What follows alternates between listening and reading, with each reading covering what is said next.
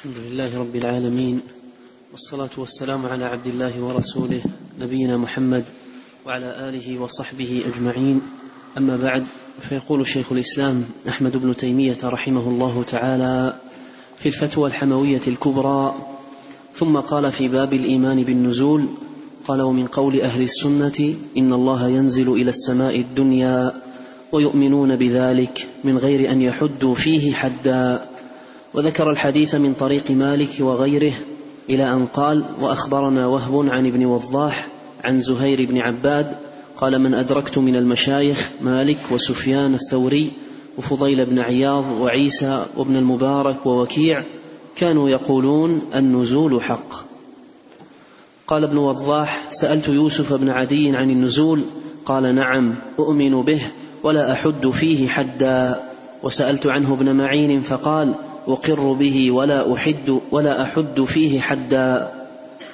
قال محمد وهذا الحديث يبين أن الله عز وجل على عرشه في السماء دون الأرض وهو أيضا بين في كتاب الله وفيما غير حديث عن رسول الله صلى الله عليه وسلم. قال الله تعالى يدبر الأمر من السماء إلى الأرض ثم يعرج إليه. وقال تعالى أأمنتم من في السماء أن يخسف بكم الأرض فإذا هي تمور؟ أم أمنتم من في السماء أن يرسل عليكم حاصبا فستعلمون كيف نذير؟ وقال تعالى إليه يصعد الكلم الطيب والعمل الصالح يرفعه. وقال تعالى وهو القاهر فوق عباده. وقال تعالى يا عيسى إني متوفيك ورافعك إلي. وقال تعالى بل رفعه الله إليه. وذكر من طريق مالك قول النبي صلى الله عليه وسلم للجارية أين الله؟ قالت في السماء. قال من أنا؟ قالت أنت رسول الله. قال فأعتقها فإنها مؤمنة. قال والأحاديث مثل هذه كثيرة جدا فسبحان من علمه بما في السماء كعلمه بما في الأرض لا إله إلا هو العلي العظيم. بسم الله الرحمن الرحيم. الحمد لله رب العالمين وأشهد أن لا إله إلا الله وحده لا شريك له وأشهد أن محمدا عبده ورسوله صلى الله وسلم عليه وعلى آله وأصحابه أجمعين. اللهم إنا نسألك علما نافعا ورزقا طيبا وعملا متقبلا. اللهم علمنا ما ينفعنا وانفعنا بما علمتنا وزدنا علما. وأصلح لنا شأننا كله ولا تكلنا إلى أنفسنا طرفة عين. أما بعد لا, يك... لا يزال الكلام موصولا بنقل قول الإمام محمد بن أبي زمنين رحمه الله تعالى من كتابه أصول السنة. قال في باب الايمان بالنزول ومن قول أهل السنة أن الله ينزل إلى السماء الدنيا ويؤمنون بذلك من غير أن يحدوا فيه حدا. وذكر الحديث من طريق مالك وغيره. ذكر الحديث أي حديث النزول هو حديث متواتر رواه عن النبي صلى الله عليه وسلم ما يقرب من ثلاثين صحابيا. ذكرهم وذكر أحاديثهم الإمام ابن القيم رحمه الله تعالى في كتابه الصواعق. وقد نص غير واحد من أهل العلم على تواتر هذا الحديث عن رسول الله صلوات الله وسلامه وبركاته عليه. وقد قال عليه الصلاة والسلام في هذا الحديث حديث النزول ينزل ربنا إلى سماء الدنيا في ثلث الليل الآخر كل ليلة. فيقول من يسألني فأعطيه من يستغفرني فأغفر له من يدعوني فأستجيب له. وهذا النزول الذي ذكره النبي عليه الصلاة والسلام هو نزول أضافه إلى الله. قال ينزل ربنا. فلا يحل لأحد يؤمن بأن النبي عليه الصلاة والسلام لا ينطق عن الهوى أن يجعل هذا النزول نزولا لغير الله كالملك أو الرحمة أو غير ذلك. فإن النبي عليه الصلاة والسلام وهو أعلم خلق الله بالله أخبر بأن الذي ينزل هو الله وأنه سبحانه وتعالى يقول في نزوله من يسألني؟ من يدعوني من يستغفرني وهذا لا يقوله إلا الله سبحانه وتعالى. فالنزول حق. النزول حق. لا ريب فيه. لثبوته. في الحديث الصحيح المتواتر عن رسول الله صلوات الله وسلامه وبركاته عليه.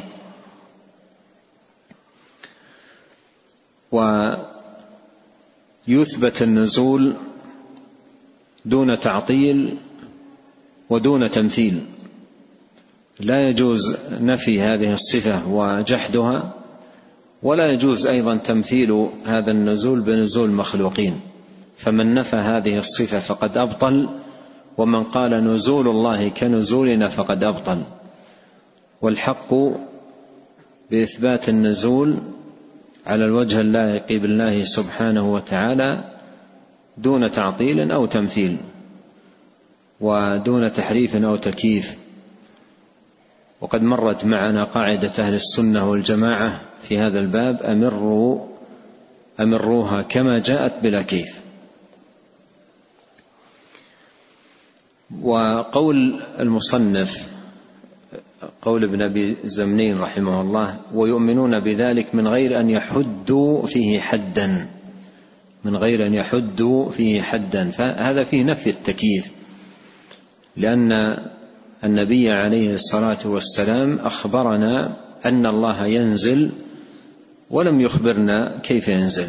فنثبت النزول ونكف عما لم يخبرنا به صلوات الله وسلامه عليه.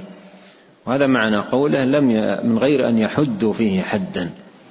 من غير أن يحدوا فيه حدا أي لا يقحم عقله القاصر ليحدد كيفية لذلك النزول. فالنزول حق وكيفيته مجهولة. النزول حق وكيفية النزول مجهولة. أخبرنا في النصوص بأن الله ينزل فنؤمن بأنه ينزل. ولم نخبر كيف ينزل فنكف عما لم نخبر به. ومن لم يكف عن ذلك فهو قاف لما ليس له به علم. والله تعالى يقول ولا تقف ما ليس لك به علم. إن السمع والبصر والفؤاد كل أولئك كان عنه مسؤولا. قال إلى أن قال وأخبرنا وهب عن ابن وضاح عن زهير بن عباد قال من أدركت من المشايخ مالك وسفيان الثوري وفضيل بن عياض وعيسى وهو ابن يونس السبيعي وابن مبارك ووكيع بن الجراح كانوا يقولون النزول حق. كانوا يقولون النزول حق. حق لثبوته في الحديث المتواتر عن رسول الله صلى الله عليه وسلم. وحق أي نزول حقيقي يليق بجلال الرب وكماله وعظمته سبحانه وتعالى. فهذا فيه أن أئمة السلف مضت كلمتهم على إثبات النزول نظير إثباتهم لجميع صفات الله الثابتة في كتابه وسنة نبيه عليه الصلاة والسلام. قال ابن وضاح سألت يوسف ابن عدي عن النزول قال نعم أؤمن به ولا أحد فيه حدا. وسألت عنه ابن معين فقال أقر به ولا ولا أحد فيه حدا. ومعنى قوله أؤمن به ولا أحد فيه حدا وأقر به ولا أحد فيه حدا نظير قولهم امروها كما جاءت بلا كيف. أقر به أي أثبته أؤمن به كما ورد. أثبته كما جاء. ولا أكيف لا أخوض في تحديد كيفية هذا النزول. فكيفيته آه، مجهولة. لم تبين في النصوص. إذا قال القائل ينزل ربنا إلى السماء الدنيا فقل نعم ينزل كما أخبر النبي عليه الصلاة والسلام. فإن قال كيف ينزل قل لا أدري. أخبرنا النبي صلى الله عليه وسلم أنه ينزل ولم يخبرنا كيف ينزل وما لم نخبر به لا نخوض فيه بل نكف عنه كما كف عنه السلف رحمهم الله تعالى. والسلف رحمهم الله يعدون السؤال عن كيفية الصفات بدعة محدثة كما قال الإمام مالك رحمه الله والسؤال عنه بدعة. فلا يجوز لأحد ان يبحث أو يخوض في كيفية صفات الباري سبحانه وتعالى. قال محمد أي ابن أبي زمنين رحمه الله وهذا الحديث أي حديث النزول يبين أن الله عز وجل على عرشه في السماء دون الأرض. منبها بذلك رحمه الله تعالى إلى أن حديث النزول يعد نوعا من أنواع الأدلة على العلو. يعد نوعا من أنواع الأدلة على العلو. لأن العلو علو الله سبحانه وتعالى قد دلت عليه أنواع من الأدلة. من هذه الأدلة إخبار النبي عليه الصلاة والسلام أن الله سبحانه وتعالى ينزل إلى سماء الدنيا كل ليلة. والنزول المعقول لدى جميع الأمم ولدى جميع الناس إنما يكون من علو. إنما يكون من علو. فاخبار النبي عليه الصلاة والسلام أن الله ينزل هذا أحد الأدلة على علو الله سبحانه وتعالى. والأدلة على العلو أنواع. والإمام ابن القيم رحمه الله تعالى في آخر كتابه إعلام الموقعين جمع أنواع الأدلة أنواع الأدلة على علو الله. وما ذكره آه، ابن القيم رحمه الله في إعلام الموقعين نقله بتمامه ابن أبي العز رحمه الله تعالى في شرحه للعقيدة الطحاوية. فالعلو دل عليه آه، أنواع من الأدلة. وابن أبي زمنين رحمه الله لما أشار إلى أن النزول أحد أنواع الأدلة على علو الله تبارك وتعالى. بهذه المناسبة أخذ يسوق بعض الأنواع بعض أنواع الأدلة على علو الله سبحانه وتعالى.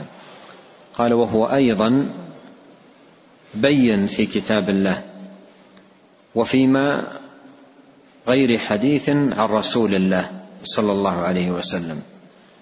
قوله وهو بين في كتاب الله وفي ما غير حديث عن رسول الله أي العلو علو الله على عرشه وفوقيته على خلقه سبحانه وتعالى يقول هذا بين والأدلة عليه كثيرة ومتنوعة. ومن أنواع الأدلة على علو الله قال قال الله تعالى يدبر الأمر من السماء إلى الأرض ثم يعرج إليه. هذا نوع من أنواع الأدلة. يعرج إليه أي إلى الله والعروج يكون إلى اعلى فإذا من أنواع الأدلة على علو الله سبحانه وتعالى إخبار الله جل وعلا في القرآن بعروج بعض المخلوقات إليه. والعروج لا يكون إلا إلا إلى اعلم النوع الأول حتى نمشي مع ترتيب الكتاب النوع الأول إخبار النبي صلى الله عليه وسلم بأن الله ينزل والنزول لا يكون إلا إلى أعلى. هذا نوع من أنواع الأدلة. النوع الثاني من أنواع الأدلة آه، إخبار الله سبحانه وتعالى بعروج بعض المخلوقات إليه ثم يعرج إليه. النوع الثالث من أنواع الأدلة قوله أأمنتم من في السماء؟ أن يخسف بكم الأرض فإذا هي تمور أم أمنتم من في السماء؟ أن يرسل عليكم حاصبا فستعلمون كيف نذير. وهذا نوع ثالث من أنواع الأدلة آه، إخبار الله سبحانه وتعالى عن نفسه بأنه في السماء والمراد بالسماء أي العلو. وإذا أريد بالسماء المبنية فإن في بمعنى على أي على السماء.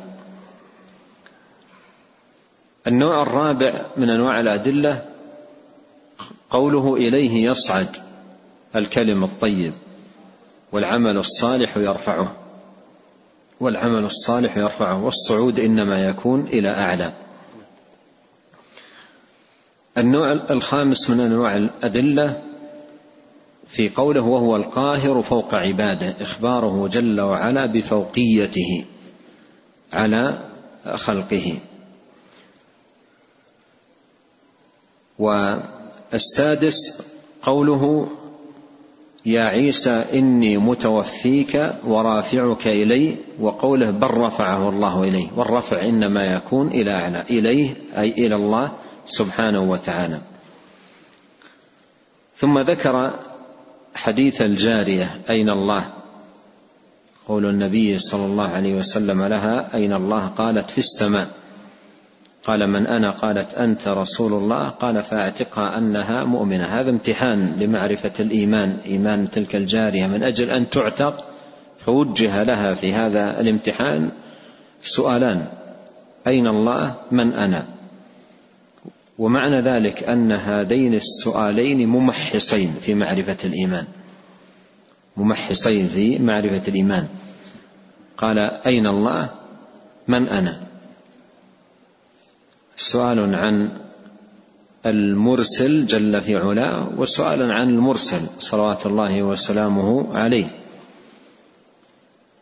وهذا أيضا السؤال يدل على أهمية هذه المسألة في باب الاعتقاد. أين الله؟ لأن هذا امتحان من أجل أن تعتق امتحان لمعرفة إيمانها. واقتصر في هذا الامتحان على هذين السؤالين. أين الله ومن أنا؟ قالت في جواب سؤاله عليه الصلاة والسلام أين الله؟ قالت في السماء. وفي جواب سؤاله من أنا؟ قالت أنت رسول الله صلى الله عليه وسلم. على إثر ذلك قال أعتقها فإنها مؤمنة. أي أنها أجابت جوابا مسددا على هذين السؤالين. الشاهد من الحديث آه، قولها في السماء والمراد في السماء إن كانت في على بابها فالمراد بالسماء العلو وإن كان المراد بالسماء المبنية ففي بمعنى على. ويأتي في اللغة آه، استعمال في بمعنى على كثيرا. قال والأحاديث مثل هذا كثيرة جدا.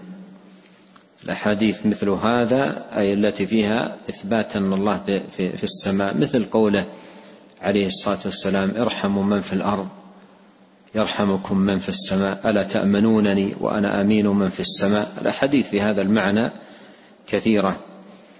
قال فسبحان من علمه بما في السماء كعلمه بما في الأرض. لا إله إلا هو العلي العظيم. وهذا تنبيه من المصنف رحمه الله تعالى إلى أن معرفة الصفات يفيد العبد التعظيم لله سبحانه وتعالى والتنزيه له عما لا يليق بجلاله وكماله سبحانه وتعالى كما أنه يفيد توحيده في العبادة وإخلاص الدين له جل في علاه. نعم. قال رحمه الله تعالى وقال قبل ذلك باب في الإيمان بصفات الله تعالى وأسمائه. قال واعلم بأن أهل العلم بالله وبما جاءت به أنبياؤه ورسله يرون الجهل بما لم يخبر به تعالى عن نفسه علما والعجز عما لم يدع إليه إيمانا وأنهم إنما ينتهون من وصفه بصفاته وأسمائه إلى حيث انتهى في كتابه وعلى لسان نبيه. وقد قال الله تعالى وهو أصدق القائلين كل شيء هالك إلا وجهه وقال تعالى قل أي شيء أكبر شهادة؟ قل الله شهيد بيني وبينكم وقال ويحذركم الله نفسه. وقال فإذا سويته ونفخت فيه من روحي. وقال فإنك بأعيننا. وقال ولتصنع على عيني. وقال وقالت اليهود يد الله مغلولة غلت أيديهم ولعنوا بما قالوا بل يداه مبسوطتان. وقال تعالى والأرض جميعا قبضته يوم القيامة.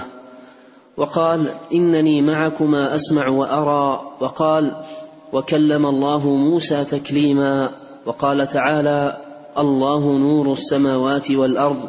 وقال تعالى الله لا إله إلا هو الحي القيوم. وقال تعالى هو الأول والآخر والظاهر والباطن. ومثل هذا في القرآن كثير. فهو تبارك وتعالى نور السماوات والأرض كما أخبر عن نفسه وله وجه ونفس وغير ذلك مما وصف به نفسه. ويسمع ويرى ويتكلم الأول ولا شيء قبله والآخر الباقي إلى غير نهاية ولا شيء بعده والظاهر العالي فوق كل شيء والباطن بطن علمه بخلقه فقال هو بكل شيء عليم حي قيوم لا تأخذه سنة ولا نوم. وذكر أحاديث الصفات ثم قال فهذه صفات ربنا التي وصف بها نفسه في كتابه ووصفه بها نبيه وليس في شيء منها تحديد ولا تشبيه ولا تقدير ليس كمثله شيء وهو السميع البصير. لم تره العيون فتحده كيف هو ولكن رأته القلوب في حقائق الإيمان. انتهى كلامه. نعم. قال رحمه الله تعالى وقد وقال قبل ذلك أي ابن أبي زمنين باب في الإيمان بصفات الله تعالى وأسمائه. هذا باب عقده رحمه الله لذكر معتقد أهل السنة والجماعة في أسماء الله وصفاته وبين رحمه الله تعالى أن جادتهم في هذا الباب إمرار هذه الصفات كما جاءت والإيمان بها كما وردت. قال ملخصا عقيدتهم في ذلك واعلم بأن أهل العلم بأن أن أهل العلم بالله وبما جاءت به أنبياؤه ورسله يرون الجهل بما لم يخبر به تعالى عن نفسه علما والعجز عما لم يدع إليه إيمانا. وأنهم إنما ينتهون من وصفه بصفاته وأسمائه إلى حيث انتهى في كتابه وعلى لسان آه، نبيه صلى الله عليه وسلم. هذه جادة أهل السنة وهذا تقرير مهم جدا ومتين في بيان ما عليه أهل السنة والجماعة يرون الجهل بما لم يخبر به سبحانه وتعالى عن نفسه علما. ومراده بقول بقوله الجهل بما لم يخبر به عن نفسه أي لا يخوض في ذلك ولا يقحم عقله في ذلك. الجهل بذلك علم منع الإنسان نفسه عن الدخول فيما لم يخبر به الله سبحانه وتعالى عن نفسه هذا دليل على علم الإنسان وفقهه أما من يقحم عقله ويحاول أن يعرف أشياء لم لم يأتي بها كتاب الله ولم تأتي بها سنة نبيه عليه الصلاة والسلام فالحقيقة أنه جاهل. وهذا ضرب من ضروب الجهل. أما من يكف نفسه عما لم يخبر به الله عن نفسه ولم يخبر به عن رسوله عليه الصلاة والسلام فكفه لنفسه عن ذلك هذا من العلم ومن الفقه. ومن يقحم نفسه إقحامه لنفسه في هذا الباب دليل على جهله لأن هذا ضرب من ضروب الجهل. قال يرون الجهل بما لم يخبر به تعالى عن نفسه علما والعجز عما لم يدعو إليه ايمانا. اعترافك بعجزك عما لم يدعو إليه أي يدعو عباده إلى الإيمان به إيمان. لأن أمور الإيمان هي ما دعينا إلى الإيمان به. أما أمور الغيب مما لم نطلع عليه ولم نقف على كنهه ولا على كيفيته من هذا الذي يتمكن بعقله القاصر أن يعرف ذلك أو يستكشف ذلك. فإقحام العقل في هذه الأمور هذا من الجهل وإدراك الإنسان أن عقله عاجز عن ذلك وكفه لنفسه إقرارا بعجزه هذا من الإيمان. هذا من الإيمان أن يكف الإنسان عما لم يدعو يدعى إلى إليه في, في كتاب الله ولا سنة نبيه صلى الله عليه وسلم فهذا الكف يعد إيمانا. قال وأنهم إنما ينتهون من وصفه بصفته وأسمائه إلى حيث انتهى في كتابه وعلى لسان نبيه صلى الله عليه وسلم. بمعنى أنهم لا يتجاوزون الكتاب والحديث. يدورون مع الكتاب والسنة حيث دارا. ينتهون إلى حيث انتهى الكتاب والسنة. ولهذا اقرأ عامة كتبهم في صفات الله يقول نصف الله تعالى بكذا لقول الله تعالى كذا. ونصف الله تعالى بكذا لقول رسول الله صلى الله عليه وسلم كذا. وينتهون. لا يوجد عندهم بما أن ولأن هذه كلها عند الفلاسفة والمناطق علماء الكلام. أما أهل السنة دينهم قال الله قال رسوله صلوات الله وسلامه عليه. هذا دين أهل السنة. ومر معنا في هذا الكتاب نقل لشيخ الإسلام ابن تيمية وفيه أن مدار عقيدة أهل الكلام وأهل الباطل في في في تقرير المعتقد وأصلهم في ذلك على هذه العقليات بما أنه كذا اذا يكون كذا. عمن النقل مر معنا نقل لشيخ الإسلام عمن نقله. ذكر فيه أن هذا هو أصل وأكد على على ذلك شيخ الإسلام عقب ذكره للنقل. نعم. عمن نقل شيخ الإسلام بن تيمية. أول نقل أخذناه في أول مجلس. بدأناه بإكمال هذا الكتاب.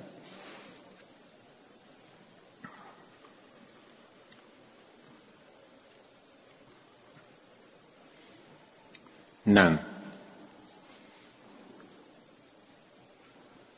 عن ابن الماجشون ماذا قال؟ ماذا قال؟ نعم. نعم هذا النقل عمن عن عن ماذا قال ابن تيمية بعده؟ نعم. لا ابن تيمية لما انتهى من نقل كلامه ماذا قال؟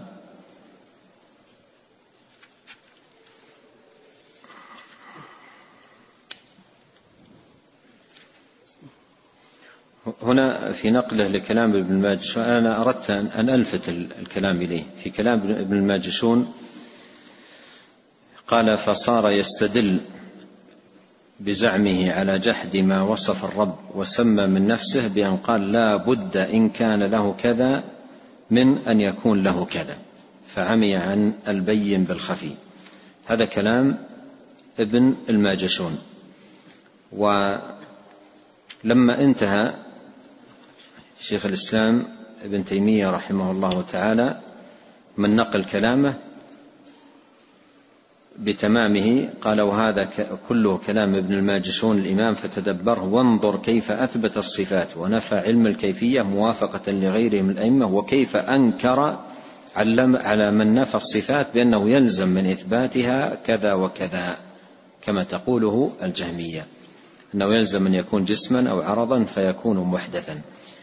فهذا الكلام يوضح لكم الفرقان بين أهل السنة في طريقتهم في تقرير الاعتقاد وأهل التجهم وطريقتهم في تقرير الاعتقاد. أما أهل السنة فإنهم يثبتون الاعتقاد استنادا إلى الدليل يقولون نعتقد كذا لقول الله تعالى كذا ونعتقد كذا لقول الرسول صلى الله عليه وسلم كذا وينتهون إلى حيث انتهى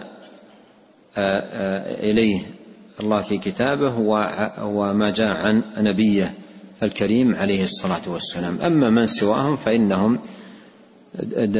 دليلهم وطريقتهم في الاستدلال اللوازم العقلية.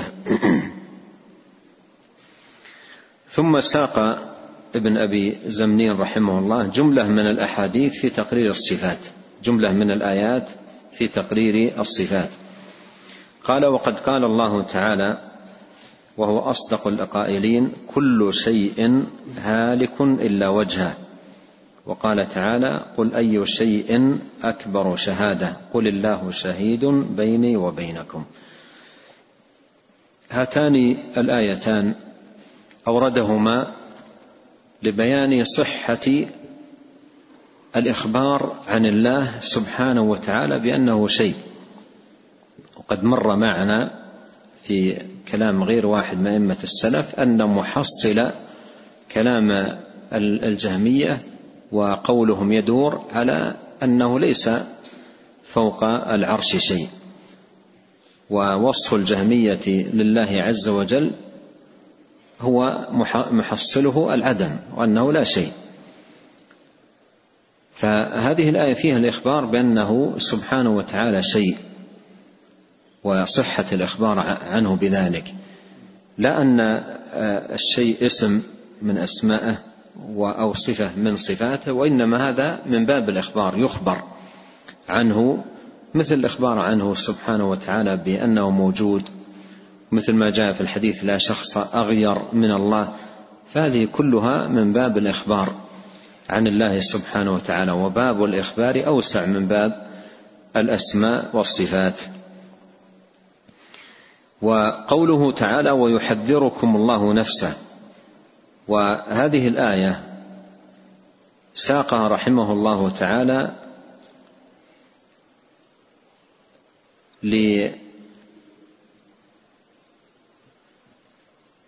لإثبات النفس صفة لله.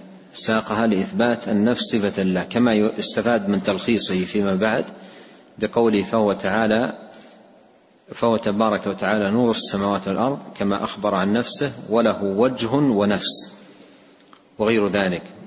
وهذا ذهب إليه بعض أهل العلم يعني أخذوا من هذه الآية ويحذركم الله نفسه تعلم ما في نفسي ولا أعلم ما في نفسك. أخذ بعض أهل العلم من ذلك أن النفس صفة لله. لكن الصحيح أن المراد بالنفس أي الله هو سبحانه وتعالى الموصوف بالصفات. لا أن النفس صفة مثل السمع والبصر والعلم ونحو ذلك وإنما المراد بنفسه أي هو جل وعلا. ويحذركم الله نفسه أي يحذركم آه، منه هو جل وعلا بأسمائه وصفاته سبحانه وتعالى. أما عد النفس صفة أخذا من هذه الآيات فهذا خطأ. كما نبه على ذلك شيخ الإسلام ابن تيمية رحمه الله والصحيح أن المراد بنفسه أي الله ذاته هو جل وعلا الموصوف بالصفات سبحانه وتعالى. قال شيخ الإسلام ابن تيمية رحمه الله المراد فيها أي هذه الآيات بلفظ النفس عند جمهور العلماء الله نفسه. التي هي ذاته المتصفة بصفاته. ليس المراد ذاتا منفكة عن الصفات ولا المراد بها صفة للذات.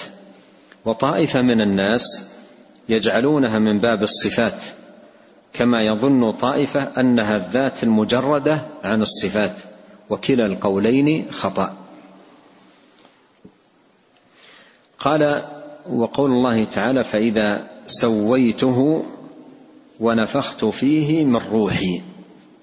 إذا سويته ونفخت فيه من روحي. ولعل سوقه لهذه الآية لإثبات هذه الصفات الفعلية سويته والمراد الخلق والصنع. فإذا سويته ونفخت فيه من روحي أما الروح؟ الروح المضافة إلى الله سبحانه وتعالى فليست إضافتها إضافة وصف وإنما إضافتها إلى الله سبحانه وتعالى إضافة خلق. ومثل هذه الإضافة تقتضي التشريف والتكريم مثل بيت الله وأمة الله وعباد الله وناقة الله ونحو ذلك من الإضافات فهي إضافة خلق. فقوله روحي هذه ليست صفة. لله عز وجل وإنما الروح هنا من جملة الأرواح التي خلقها الله سبحانه وتعالى لكن أضاف هذه الروح جل وعلا لنفسه تشريفا وتعلية لقدرها. قال فإنك بأعيننا ولتصنع على عيني. وهذا فيه كما سبق وتقدم آه، إثبات العين صفة لله سبحانه وتعالى. وهما عينان تليقان بالله جل وعلا وفي اللغة يصح الإخبار عن المثنى بالجمع كما يصح أيضا الإخبار عنه بالمفرد. وقوله وقالت اليهود يد الله مغلولة غلت أيديهم ولعنوا بما قالوا بل يداه مبسوطتان. وقال والأرض جميعا قبضته يوم القيامة. هذا في إثبات اليدين. لله سبحانه وتعالى على الوجه اللائق بجلاله وكماله. وقوله إنني معكما أسمع وأرى في إثبات المعية وإثبات السمع وإثبات أنه سبحانه وتعالى بصير يرى جل وعلا جميع المخلوقات.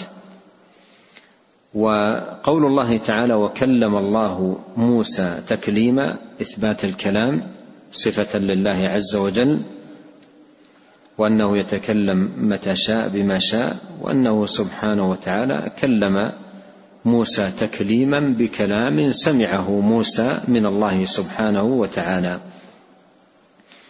وقوله الله نور السماوات والأرض في إثبات النور وهو اسم من أسماء الله والنور صفة من صفاته سبحانه وتعالى. وقال الله تعالى الله لا إله إلا هو الحي القيوم. وهذا آه، القدر صدرت به آية الكرسي أعظم آية في كتاب الله عز وجل وفيه إثبات الحي القيوم اسمان لله أما الحي فدال على صفات الله تبارك وتعالى الذاتية والقيوم دال على صفاته تبارك وتعالى الفعلية.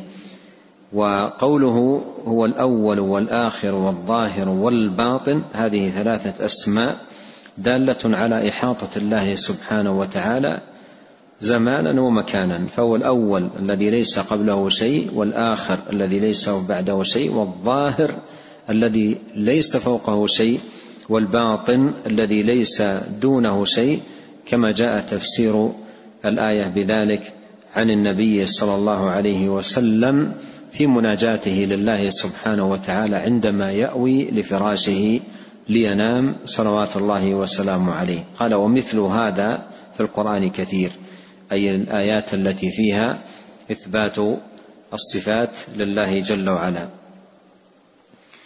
قال فهو تبارك وتعالى وهذا تلخيص لما تقدم في هذه النصوص.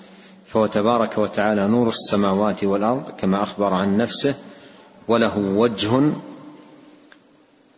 آه، كما تقدم في الآية كل شيء هالك إلا وجهه. هذه فيها أيضا إثبات الوجه صفة لله. وله وجه ونفس. وتقدم ما يتعلق بالنفس وغير ذلك مما وصف به نفسه. ويسمع ويرى ويتكلم الأول ولا شيء قبله والآخر الباقي إلى غير نهاية ولا شيء بعده والظاهر العالي فوق كل شيء والباطن بطن علمه بخلقه فقال وهو بكل شيء عليم حي قيوم لا تأخذه سنة ولا نوم قال وذكر أحاديث الصفات أي ساق جملة من الأحاديث في إثبات الصفات لله سبحانه وتعالى ثم قال فهذه صفات ربنا التي وصف بها نفسه في كتابه ووصفه بها نبيه صلى الله عليه وسلم وليس في شيء منها تحديد ولا تشبيه ولا تقدير. ليس في شيء منها تحديد ولا تشبيه ولا تقدير. بعد أن ساقها بين أن التحديد أي محاولة معرفة الكيفية وتحديد الكيفية وأن تحد بحد ليس في شيء من النصوص ما يدل على هذا التحديد أو التكييف فالخوض فيه باطل. ولا يجوز لأحد أن يبحث في كيفية الله أو تحديد هذه الصفات بمعنى معرفة كيفيتها.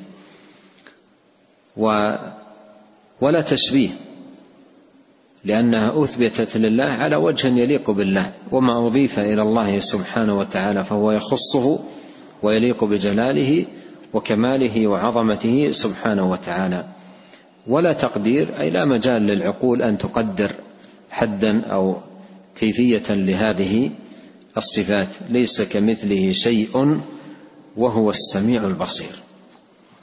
ليس كمثله شيء وهو السميع البصير.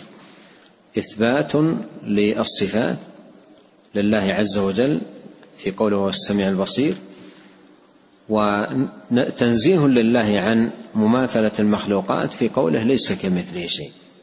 وعلى هذا يقوم اعتقاد أهل السنة في هذا الباب. إثبات بلا تكييف وتنزيه بلا تعطيل. قال رحمه الله لم تره العيون فتحد كيف هو. ولكن راته القلوب في حقائق الإيمان. لم تره العيون فتحده كيف هو. هذا هذه توضح لنا ما سبق من قوله وقول أئمة السلف لا نحد فيه حدا من غير تحديد وليس في شيء منها تحديد. المراد بذلك لا تحده بمعرفة الكيفية فتحد فتحده كيف هو. لم تره العيون فتحده كيف هو. منبها أن تحديد الكيفية تحديد الكيفية لا يكون إلا بالرؤية. وتحديد كيفية أي شيء من الأشياء له ثلاثة طرق. هذا أحدها. إما أن يراه. فيعرف كيفيته. أو يرى مثيله. المماثل له فيحدد كيفيته برؤية مثيله. أو يأتيه خبر صادق بالكيفية. وهذه الطرق الثلاثة كلها منتفية في صفات الله. قال المصنف لم تره العيون فتحده. هذا الطريق الأول. لم تره العيون فتحده كيف هو. هذا الطريق الأول منتفي. الطريق الثاني معرفة المثيل تقدم قول الله تعالى ليس كمثله شيء. هل تعلم له سميا؟ لم يكن له كفوا أحد. والطريق الثالث خبر الخبر الصادق لم يأتي في النصوص نصوص الكتاب والسنة تحديد للكيفية وإنما جاء فيها إخبار بالصفات ولم يخبر بكيفيتها. ولهذا آه، إثبات أهل السنة للصفات إثبات وجود وأنها صفات حقيقية ثابتة لله سبحانه وتعالى لا إثبات تحديد لا يحدونها بحد أو يكيفونها بكيفية. فالله سبحانه وتعالى آه، لا, لا, لا مثيل له ولا مجال للخوض خوض العقول في تكييف آه، صفاته بل هي أعجز من ذلك. وإذا كانت عقول الناس عاجزة عن تحديد كيفية صفات المخلوقات. ومر أن نبه المصنف على عجز العقول بذكر النملة الصغيرة. وكيف أن الإنسان عندما يتأمل يعجز عن أن أن يدرك حقائق في هذه النملة الصغيرة. وهي مخلوق صغير جدا من مخلوقات الله سبحانه وتعالى. فكيف يقحم عقله بمعرفة كيفية خالق الخلق؟ سبحانه وتعالى. أحد السلف لقي شابا يخوض في التكييف. فقال دعنا ننظر في كيفية مخلوق من المخلوقات. إن عرفنا انتقلنا لما بعده. وإن لم نعرف وعجزنا فنحن عن كيفية صفات من خلق أعجز. ثم ذكر له الآية الكريمة جعل الملائكة رسلا أولي أجنحة مثنى وثلاث ورباع قال أخبرني عن أحد الملائكة له ثلاثة أجنحة. أين جناحه الثالث؟ وكيف يطير به؟ ففتح فمه ولم يعرف جوابا. وقال أعلن توبته ذلك الغلام. فإذا كان الإنسان عاجز عن إدراك كيفية المخلوقات كيفية المخلوقات فلا أن يكون عاجزا عن إدراك كيفية صفات من خلقها من باب أولى. قال لم تره العيون فتحده كيف هو ولكن رأته القلوب في حقائق الإيمان.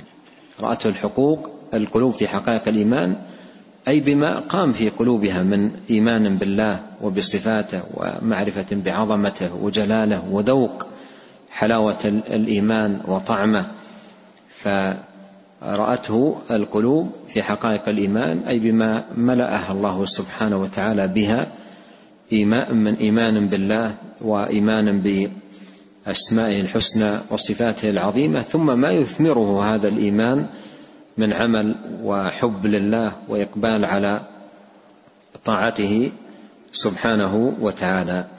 قال انتهى كلامه أي ابن أبي زمنين رحمه الله تعالى ونكتفي بهذا القدر ونسأل الله الكريم أن ينفعنا أجمعين بما علمنا وأن يزيدنا علما وأن يصلح لنا شأننا كله وأن لا يكلنا إلى أنفسنا طرفة عين وأن يغفر لنا ولوالدينا ولمشايخنا والمسلمين والمسلمات والمؤمنين والمؤمنات الأحياء منهم والأموات.